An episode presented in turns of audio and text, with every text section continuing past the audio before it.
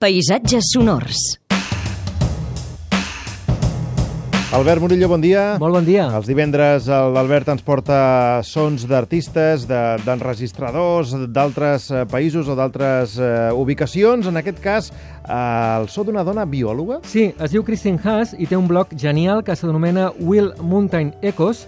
Escoltem el so que va enregistrar en un llac. Ella explica doncs, la biologia a través dels seus sons i eh, doncs, eh, aquest enregistrament eh, hi escoltarem amfibis, insectes i ocells i ella explica en aquest so que hi ha una granota que es diu granota toro, que és una granota que doncs, s'escolta de fons i és una espècie invasora que porta problemes a tot el món, fins i tot també aquí a Catalunya. I doncs mira, eh, una persona que amb el so explica una mica tot el que ens rodeja. Pareu bé l'orella, per tant, avui escoltareu molta natura i de fons aquesta granota toro. Gràcies, Albert. Adéu-siau.